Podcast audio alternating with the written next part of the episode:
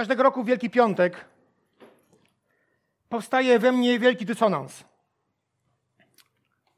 Polegający na tym, że nie wiem, czy tego dnia powinienem się bardziej smucić czy cieszyć.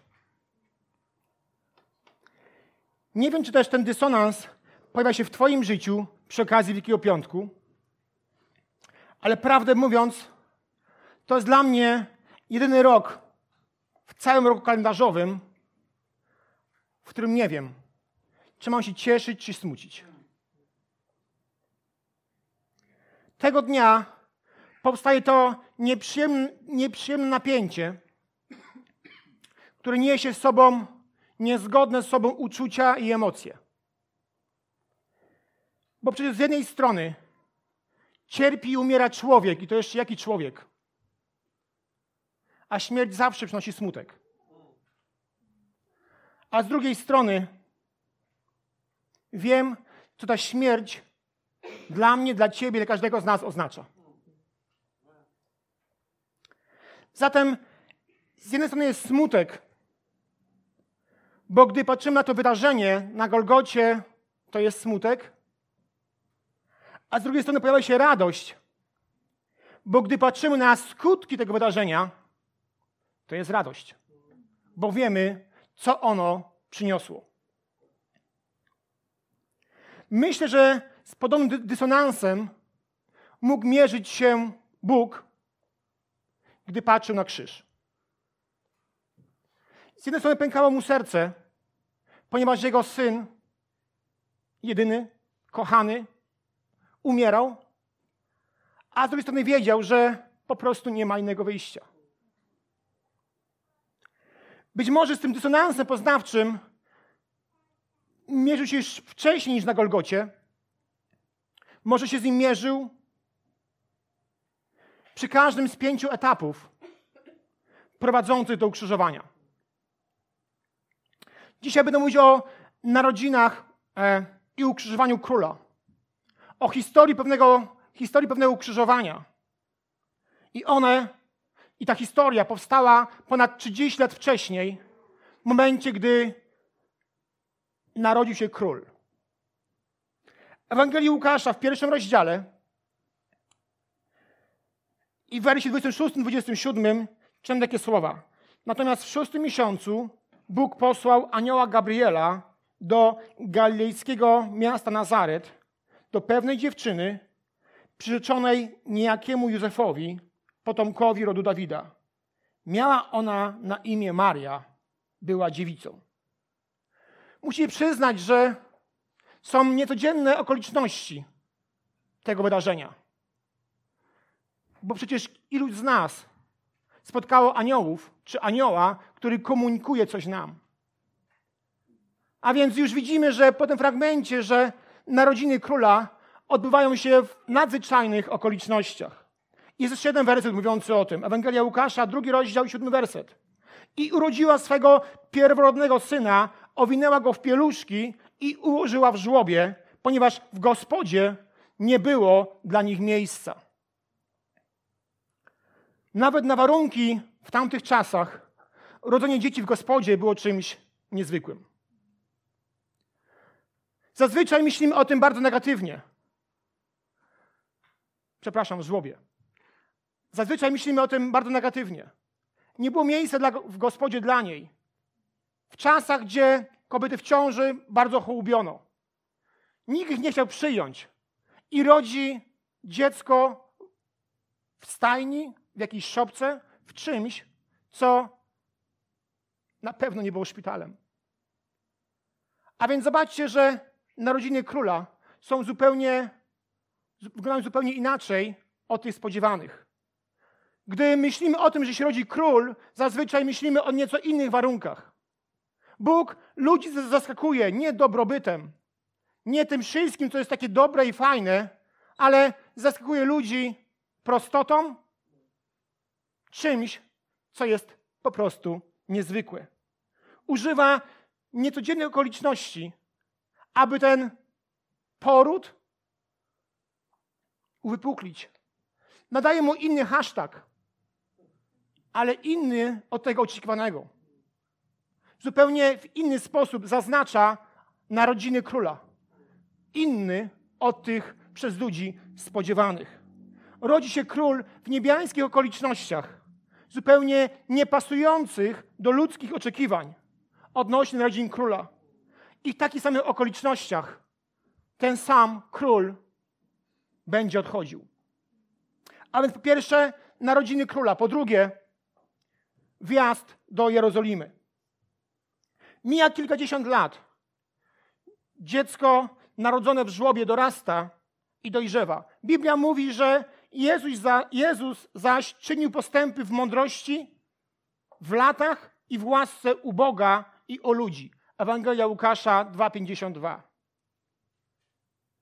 Później Jezus zaczyna służyć, uwalniać, uzdrawiać i wyposażać, czynić cuda i o cudach mówić. Jednak wie, że jego największa próba ciągle jest przed nim.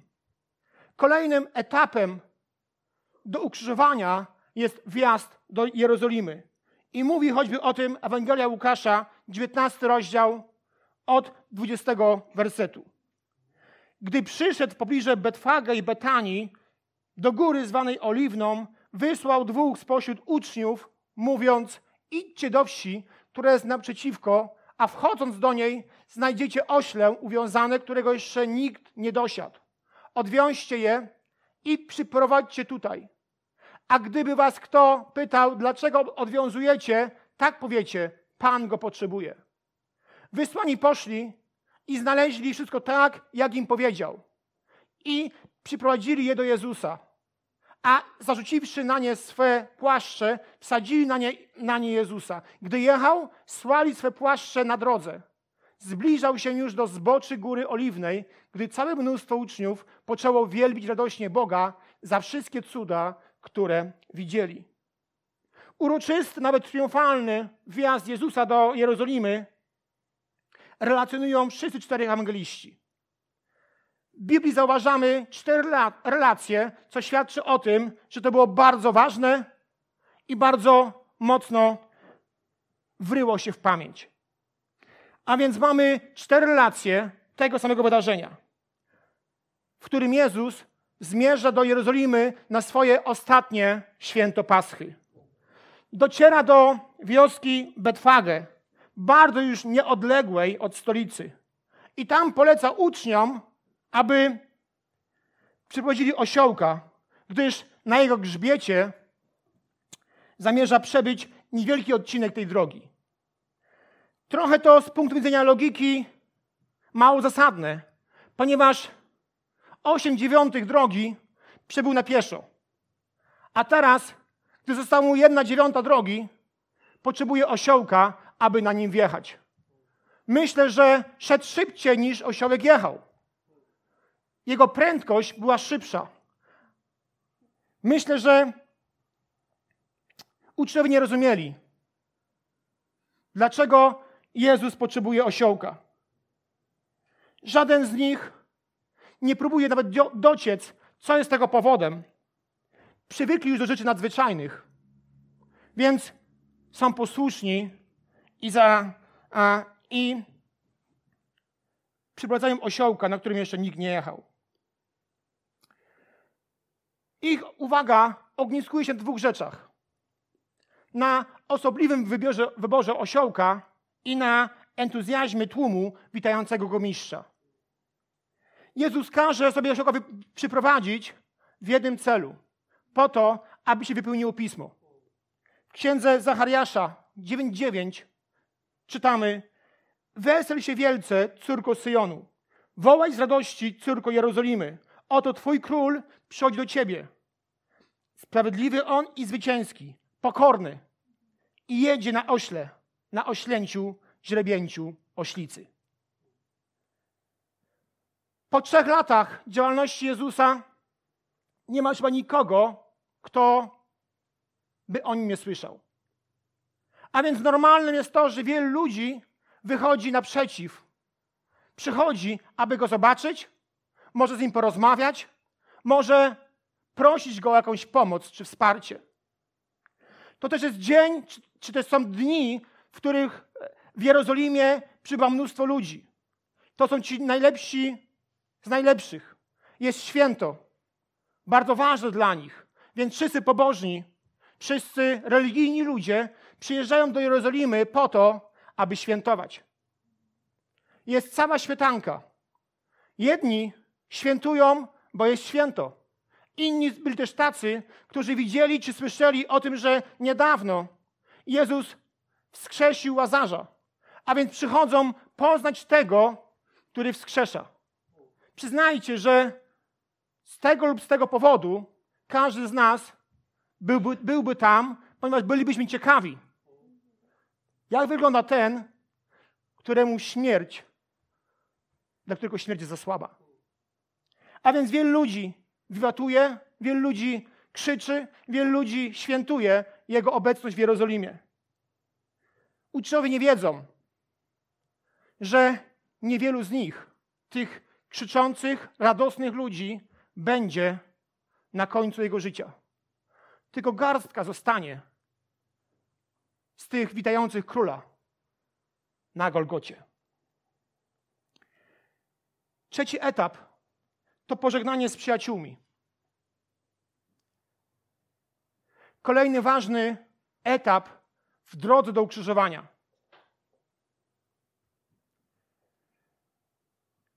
Jezus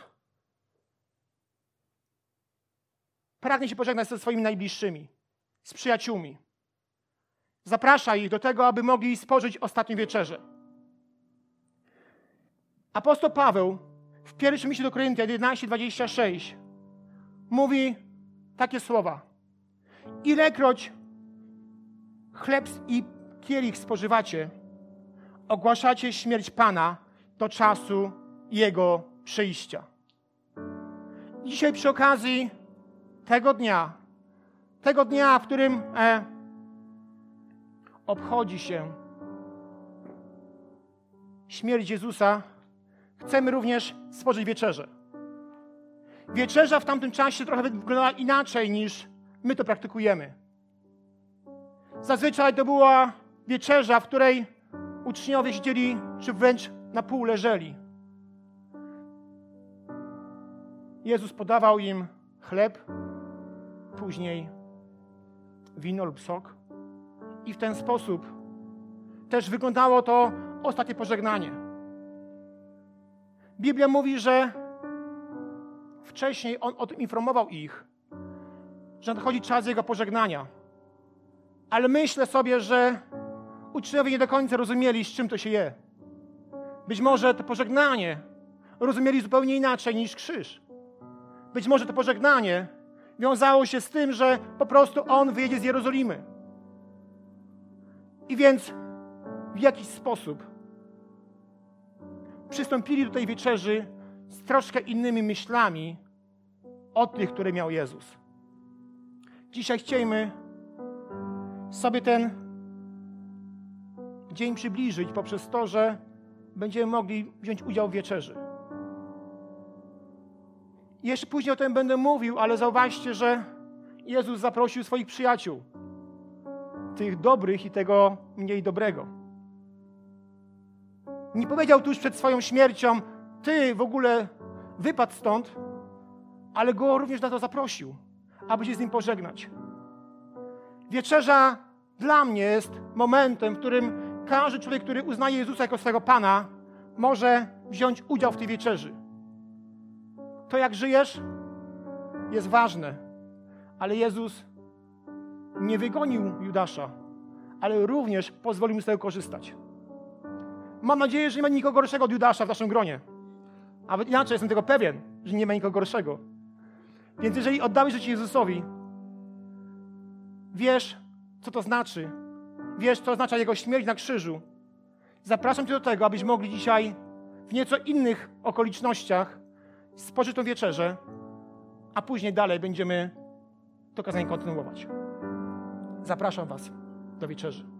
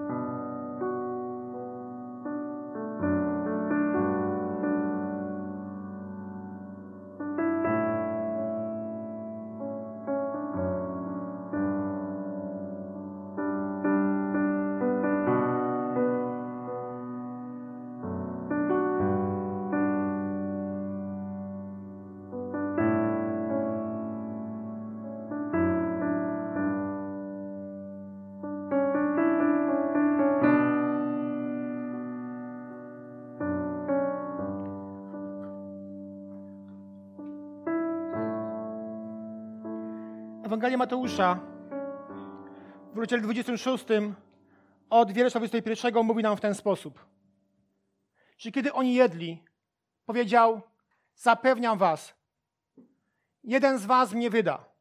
Zasmuceni tymi słowami, pytali go jeden po drugim, chyba nie ja, panie. Odpowiedział, ten, który razem ze mną sięgnął ręką do półmiska, ten nie wyda. Co prawda, syn człowieczy odchodzi, jak o nim napisano, lecz biada temu człowiekowi, który wyda syna człowieczego. Lepiej by mu było, gdyby się nie urodził. Wtedy Judasz, który go właśnie miał wydać, odezwał się: Chyba nie ja, rabbi. A Jezus na to: Ty to powiedziałeś.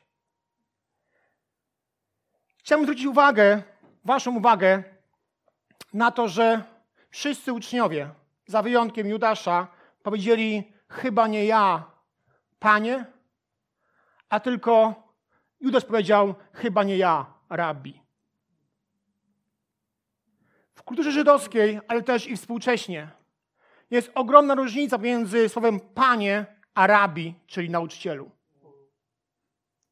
Wszyscy uczniowie, za wyjątkiem Judasza, mówili chyba nie ja, panie, a Judasz chyba nie ja, nauczycielu. Zważacie różnicę? Mówimy o ludziach, którzy chodzili 3,5 roku z nim. Judasz był wybrany przez Boga i przez ludzi, bo przecież był skarbnikiem. A żeby być skarbnikiem, trzeba mieć ludzi zaufanie, prawda? A więc był wybrany przez ludzi. A mimo to nie mówi do Jezusa Panie, tylko mówi nauczycielu. Ta historia mówi mi o tym, że możesz dużo o Jezusie wiedzieć, nawet z Nim przebywać, nawet się do Niego modlić, a ciągle uważać Go jako nauczyciela, a nie jako Pana. Gdy jesteś, czyją, gdy jesteś czyimś sługą, nie masz problemu mówić do kogoś Panie. Ale jeżeli nie, jeżeli nie jesteś czyimś sługą, to Pan nie powiesz. Problem Judasza polegał na tym, że był z Jezusem, widział go, przebywał z nim, rozmawiał z nim.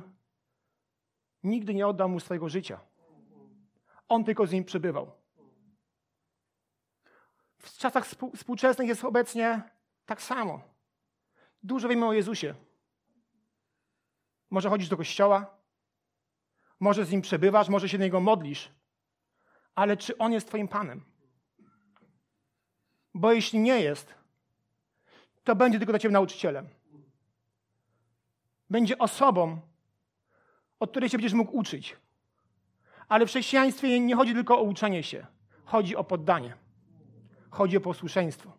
Chodzi o to, aby nie moja wola, lecz Twoja, Panie, wola się działa.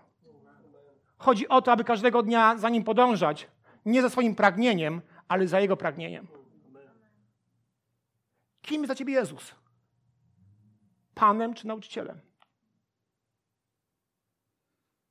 Osobą, której oddałeś swoje życie i te życie w całości podporządkowałeś? Czy jest tylko nauczycielem, kimś ważnym, ale bez przesady? Gdy nie odda swojego życia Jezusowi, będziesz tak jak Judasz. Nazywał go swym nauczycielem a nie Panem. Czwarty etap. Sąd i wyrok. Dwa fragmenty. Ewangelia Łukasza, rozdział 23 od 13 wersetu. Piłat natomiast zwołał arcykapłanów, przełożonych oraz lud i powiedział do nich, przyprowadziliście mi tego człowieka jako tego, który zwodzi lud. A oto ja po przesłuchaniu go w waszej obecności nie stwierdzam, aby był winny tego, co mu zarzucacie. Podobnie Herod, gdyż, gdyż odesłał go do nas. Człowiek ten nie popełnił niczego, za co musiałby ponieść śmierć. Wymierzę mu zatem karę, chłosty i zwolnię. Drugi fragment, ten sam rozdział, wersy od 22 do 25. Po raz trzeci więc odezwał się do nich. Cóż złego uczynił ten człowiek? Nie stwierdziłem, by dopuścił się czegoś, za co musiałby ponieść karę śmierci. Każe go wychłostać i zwolnię, mówi Piłat. Oni jednak uparcie wołali i żądali jego ukrzyżowania. I ich krzyki zaczęły brać górę. W końcu Piłat orzekł, że stanie się zgodnie z ich żądaniem. Zwolnił tego, który był w więzieniu za rozruchy i morderstwo, tego, którego prosili, a z Jezusem postąpił według ich woli. Zauważcie proszę, że decyzja Piłata nie miała wpływu tylko na Jezusa. A może jeszcze inaczej. Zauważcie proszę, że decyzja Piłata nie miała decydującego wpływu na, wpływu na, na Jezusa, ale miała decydujący wpływ na jego życie. Piłat się pogrzebał. Piłat, jako ten, który miał największą władzę, zaraz po Herodzie, który mógł wypuszczać i zamykać kogokolwiek chciał, umywa ręce. W imię spokoju, w imię e, tego, żeby mieć święty spokój, pozwala niewinnego człowieka ukrzyżować. Ileż razy my umywamy ręce w imię spokoju? Ileż razy my do Jezusa się nie przyznajemy? Ponieważ boimy się rozrubu, rozruchów, rozrób, boimy się hałasu, boimy się czegoś, co będzie dla nas niekomfortowe. Ileż razy wolimy, wolimy, wolimy, wolimy milczeć, ileż razy wolimy komuś przyznawać rację, pomimo tego, że czujemy, że to jest niewłaściwe. Ileż razy zachowujemy się jak Piłat w imię spokoju. Ukrywamy, a często wstydzimy się Jezusa tylko po to, aby mieć święty spokój. Piłata zgubi populizm. Piłata zgubi populizm do tego stopnia, że nie tylko wydaje wyrok na Jezusa, ale wydaje wyrok na siebie. Z powodu braku odwagi, z powodu strachu decyduje o swoim własnym życiu. Umiera, później umiera z tego powodu, że nie był w stanie być odważny. Piąty etap. Ukrzyżowanie. Tuż po tym ustawionym procesie Jezus jest ukrzyżowany. Ewangelia Jana, 19 rozdział, 28-30. Następnie Jezus świadomy, że już wszystko się wykonało, powiedział: Chcę pić. I tak wypełniły się słowa pisma. Stało tam zaś naczynie pełne winnego octu. Owinęli zatem hizop gąbką nasączoną winnym octem i podali mu do ust. A gdy Jezus spróbował octu, powiedział: Wykonało się. Po czym skłonił głowę i oddał ducha. Myślę sobie, że ostatnie słowa przed śmiercią muszą być mega ważne. Jeżeli ktoś wie, że umiera, gdy jest na tym łożu śmierci, to prawdopodobnie chciały przekazać swoim najbliższym to, co jest najważniejsze. Myśli o tym, co przekazać, aby te słowa mogły w nich żyć. Ostatnim słowem Jezusa na krzyżu było słowo wykonało się.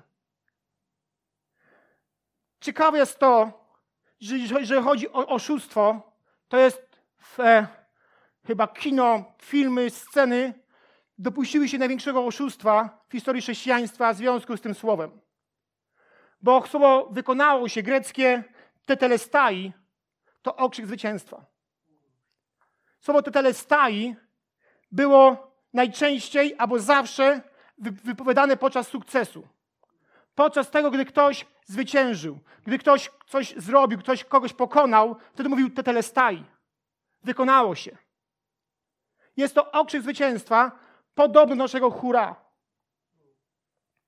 Natomiast w wielu scenach, które ja widziałem, w wielu filmach, które ja widziałem, to wygląda tak, jakby to, były, jakby to padły słowa z ust człowieka, który został pokonany, który został złamany. Natomiast wykonało się. Jest to okrzyk zwycięstwa. Jest to coś, co Jezus mówi w okrzyku zwycięstwa. Zwyciężyłem. Pokonałem. Dokonałem. Nie wiem, jaki ty masz e, wyobrażenia tej sceny, o którym teraz mówimy. Ale w oryginale tetelestai to okrzyk zwycięstwa. To nie jest okrzyk przegranej osoby. Osoby, która przegrała całe swoje życie. To jest okrzyk osoby, która wygrała wszystko to, co było do wygrania. Więc w wielu filmach nie jest dobrze oddane. W wielu filmach widzimy, że Jezus ledwo co mówi. Pada słowo, wykonało się tak, jakby naprawdę przegrał całe swoje życie. On zwyciężył. On wygrał wszystko to, co było do wygrania.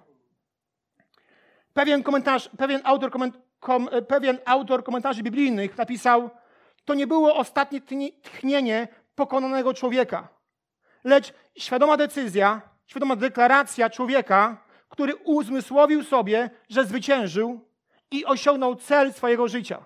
To jeszcze raz. To nie było ostatnie tchnienie pokonanego człowieka, lecz świadoma deklaracja człowieka, który uzmysłowił sobie, że zwyciężył i osiągnął cel swojego życia. Twierdząc, wykonało się, Jezus mówi o kilku rzeczach. Po pierwsze, że wykonały się proroctwa. Ewangelia Jana 19:28. I tak wypełniły się słowa pisma. Śmierć Jezusa i jego życie można porównać do wielkiego pudełka e, puzli. Śmierć Jezusa było tym przedostatnim puzzlem do tego obrazu. Stało się tylko zmartwychwstanie. Więc gdy on mówi, wykonało się, to znaczy to, że wykonały się wszystkie proroctwa dotyczące jego misji. Wszystko to, co miało się wypełnić, wypełniło się przez jego śmierć. A więc po pierwsze, wykonały się proroctwa. Po drugie, koniec władzy szatana. Szatan jest księciem tego świata, jednak królem jest Jezus. I on demonstruje na krzyżu, kto wygrywa. On mówi, wykonało się, pokazując to, że diabeł przegrał. Teraz odbywa się sąd nad tym światem. Teraz władca tego świata będzie wyrzucony, mówi na Jana 12:31. A więc wyrok na diabła został już wykonany, został już podpisany, a jego, a jego władza jest tymczasowa, w dodatku bardzo ograniczona. Na Golgocie Jezus zdeptał diabłu głowę i dzięki Jezusowi w naszych rękach jest zwycięstwo nad nim, nad jego śmiercią i nad jego grzechem. Trzecia rzecz, która się wykonała, to cierpienie i wstyd. Wykonało się oznacza, że skończyło się cierpienie i wstyd. Fizyczne krzyżowanie dobiegło końca. Emocjonalny wstyd już się zakończył. Nastał kres duchowego odłączenia Jezusa od Ojca. Wczoraj tak o tym pomyślałem, że z, e, tak to można odebrać, że Jezus został zamknięty w ludzkim ciele, jak w duchowym więzieniu. Dał się zamknąć w ludzkim ciele, jak w więzieniu, po to, aby stał się równy ludziom. A więc jego cierpienie, jego wstyd zostały w tym momencie zakończone. On wychodzi na wolność. To ludzkie ciało jest ukrzyżowane i od tej pory będzie już z Ojcem. Przez 33 lata był zamknięty w ludzkim ciele po to, aby pokazać ludziom, że można żyć inaczej. Po to, aby każdego dnia ludzie mogli widzieć w nim Syna Bożego chodzącego po ziemi. List do Filipian, drugi rozdział, szósty, siódmy werset, który chociaż był w postaci Bożej, nie upierał się zachłannie przy tym, aby być równym Bogu, lecz wyparł się samego siebie, przyjął postać sługi i stał się podobny ludziom, a okazawszy się z postawy człowiekiem, Jezus stał się człowiekiem po to, aby pokazać nam wszystkim, że będąc na ziemi, można mieć relację z Ojcem. Czwarta rzecz to ofiara. Musiało upłynąć około 4000 lat. Stało zabitych kilka milionów baranków od czasów Abla, aby ten system ofiarniczy został dokończony.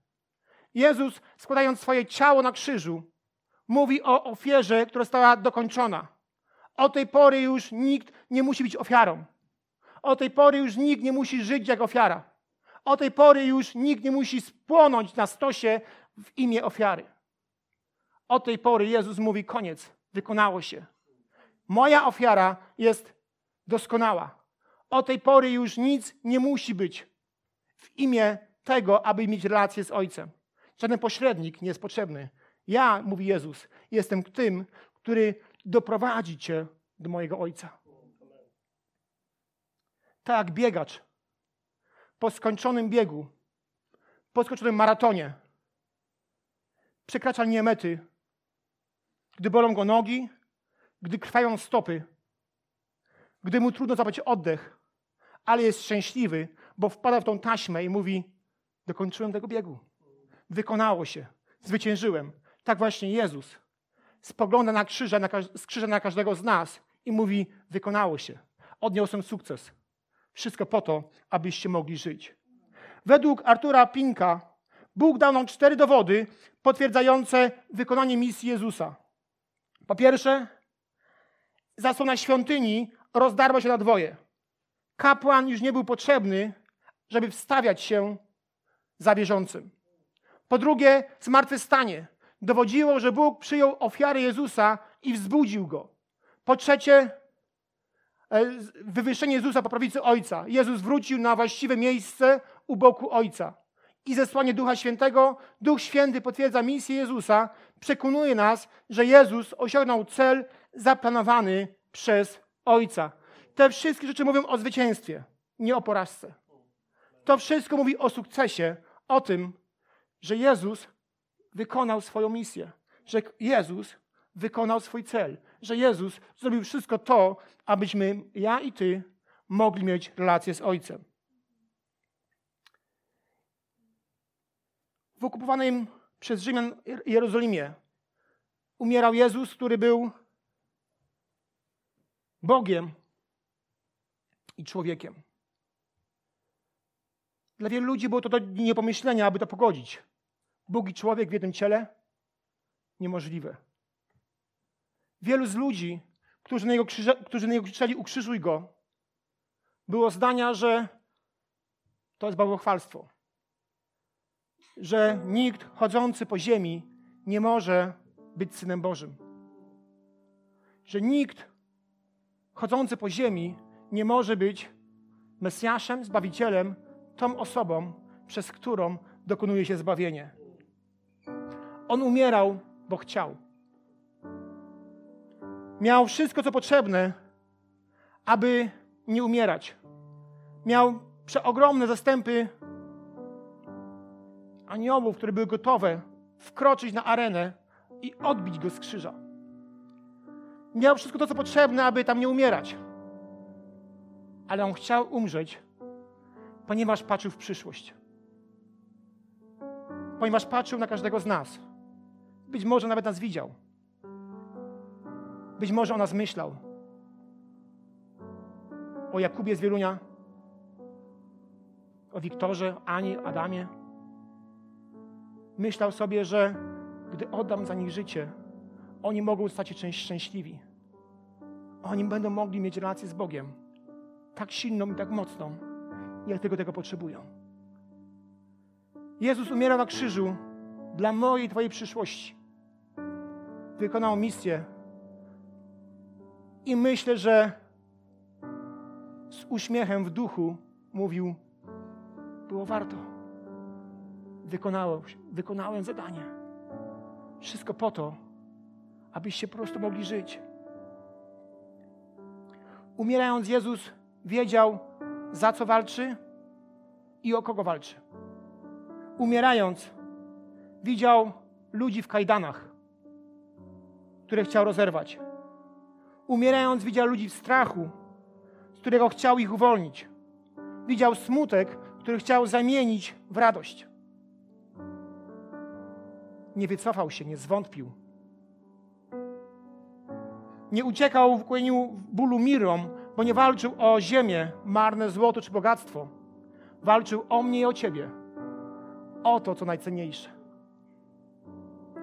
Jeden z nowonarodzonych Żydów napisał list do Rzymian, piąty rozdział, siódmy do dziesiątego wersetu, Rzadko się zdarza, że ktoś umrze za sprawiedliwego. Prędzej za dobrego gotów ktoś umrzeć. Bóg zaś daje dowód swojej miłości ku nam przez to, że kiedy jeszcze byliśmy grzesznikami, Chrystus za nas umarł. Tym bardziej więc teraz, usprawiedliwieni krwią Jego, będziemy przez Niego zachowani od gniewu. Jeśli bowiem, będąc nieprzyjaciółmi, zostaliśmy pojednani z Bogiem przez śmierć Syna Jego, tym bardziej, będąc pojednani, dostąpimy zbawienia przez życie Jego. Śmierć Jezusa za mnie to jest najważniejsza dla mnie wiadomość w moim życiu.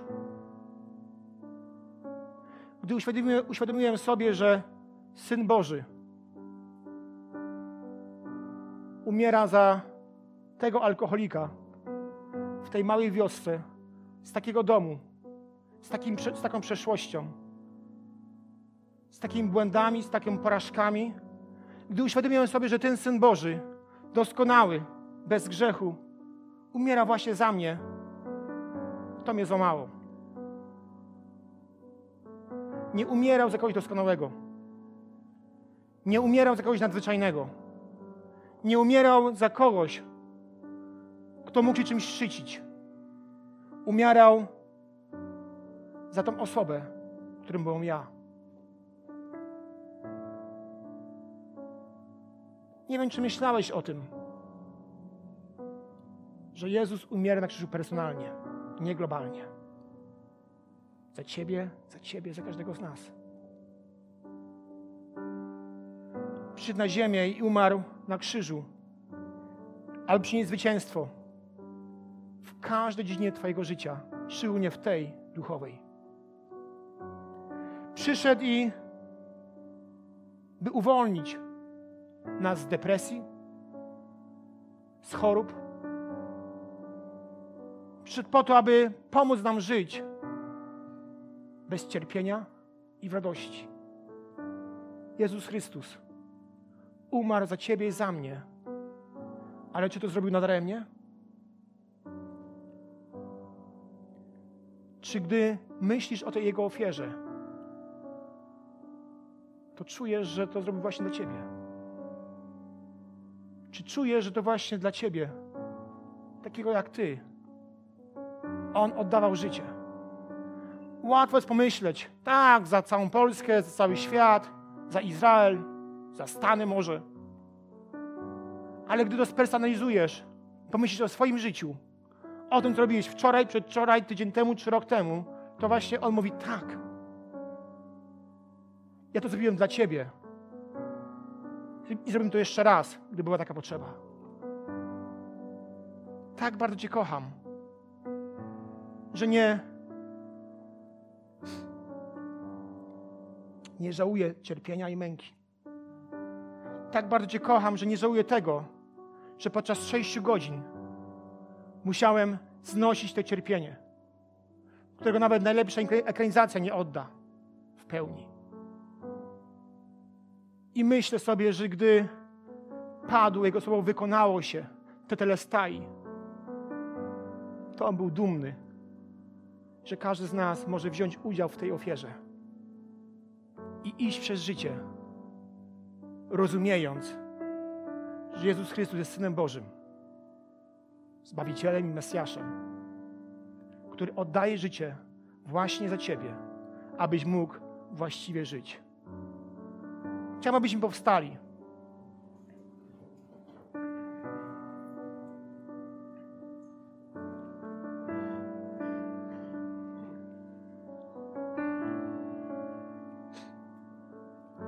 Wielki Piątek to, jak powiedziałem, dzień pełen dysonansu. Cieszyć się czy smucić? Odpowiedź jest w Tobie. Bo jeżeli dzisiaj jesteś tego świadomy, że oddałeś mu życie, albo to robisz, to masz powody, aby cieszyć się z tego, co się stało. Ale gdy nie masz tej pewności z tego zbawienia, to może się smucić, ponieważ myślisz sobie, to było bez sensu. Ja i tak chcę żyć po swojemu. Pamiętacie ten fragment? 11 ludzi mówi Panie, a jeden mówi Rabbi. Kim jest dla Ciebie Jezus? Panem czy nauczycielem? Panem, którym oddałeś swoje życie, czy nauczycielem, którego słuchasz, czasami o nim czytasz? Jest ogromna różnica. Do nieba nie idą uczniowie. Do nieba idą słudzy. Ci, którzy oddali mu życie. Ci, którzy nie tylko o nim wiedzą, ale którzy każdego dnia z nim żyją. Na tym polega różnica. Czy dzisiaj jest ktoś z Was, kto dziś chce powiedzieć, Panie, chcę Ci oddać życie, ponieważ wiem o Tobie wiele, ale wiem, że to mi nie wystarcza. Nie chcę być jak Judasz. Mówi do Ciebie nauczycielu, ale chcę być jak inni, którzy mówią do Ciebie, Panie. Pomóż mi żyć tak, abym każdego dnia mógł żyć, rozumiejąc tą ofiarę na krzyżu. Czy jest ktoś dzisiaj, kto chce powiedzieć, Jezu, ja chcę być w Twoich objęciach, chcę być Twoim dzieckiem, chcę być Twoim sługą, chcę być osobą, która każdego dnia porusza się i żyje po to, aby Ci dawać chwałę. Jeśli jest taki, jesteś taką osobą i nigdy wcześniej nie oddałeś życia Jezusowi, podnieś swoją rękę. Chcemy się Ciebie modlić. Chcemy razem mówić o tym, że Jezus Chrystus jest Twoim Zbawicielem. Czy są takie osoby? Czy jest ktoś, kto chce powiedzieć, Jezu, chcę Ci oddać swoje życie. Czekam jeszcze chwileczkę.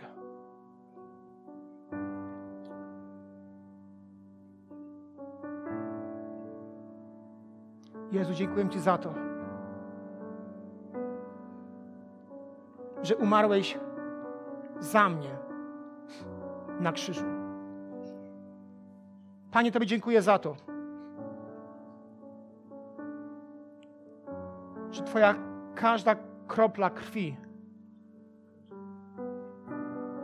przynosi dla nas wyzwolenie. Dziękuję Ci za to, że Twoja męka miała sens. Że Twoje cierpienie miało sens. I Tobie dziękuję za to, że każdego dnia mogę mieć świadomość,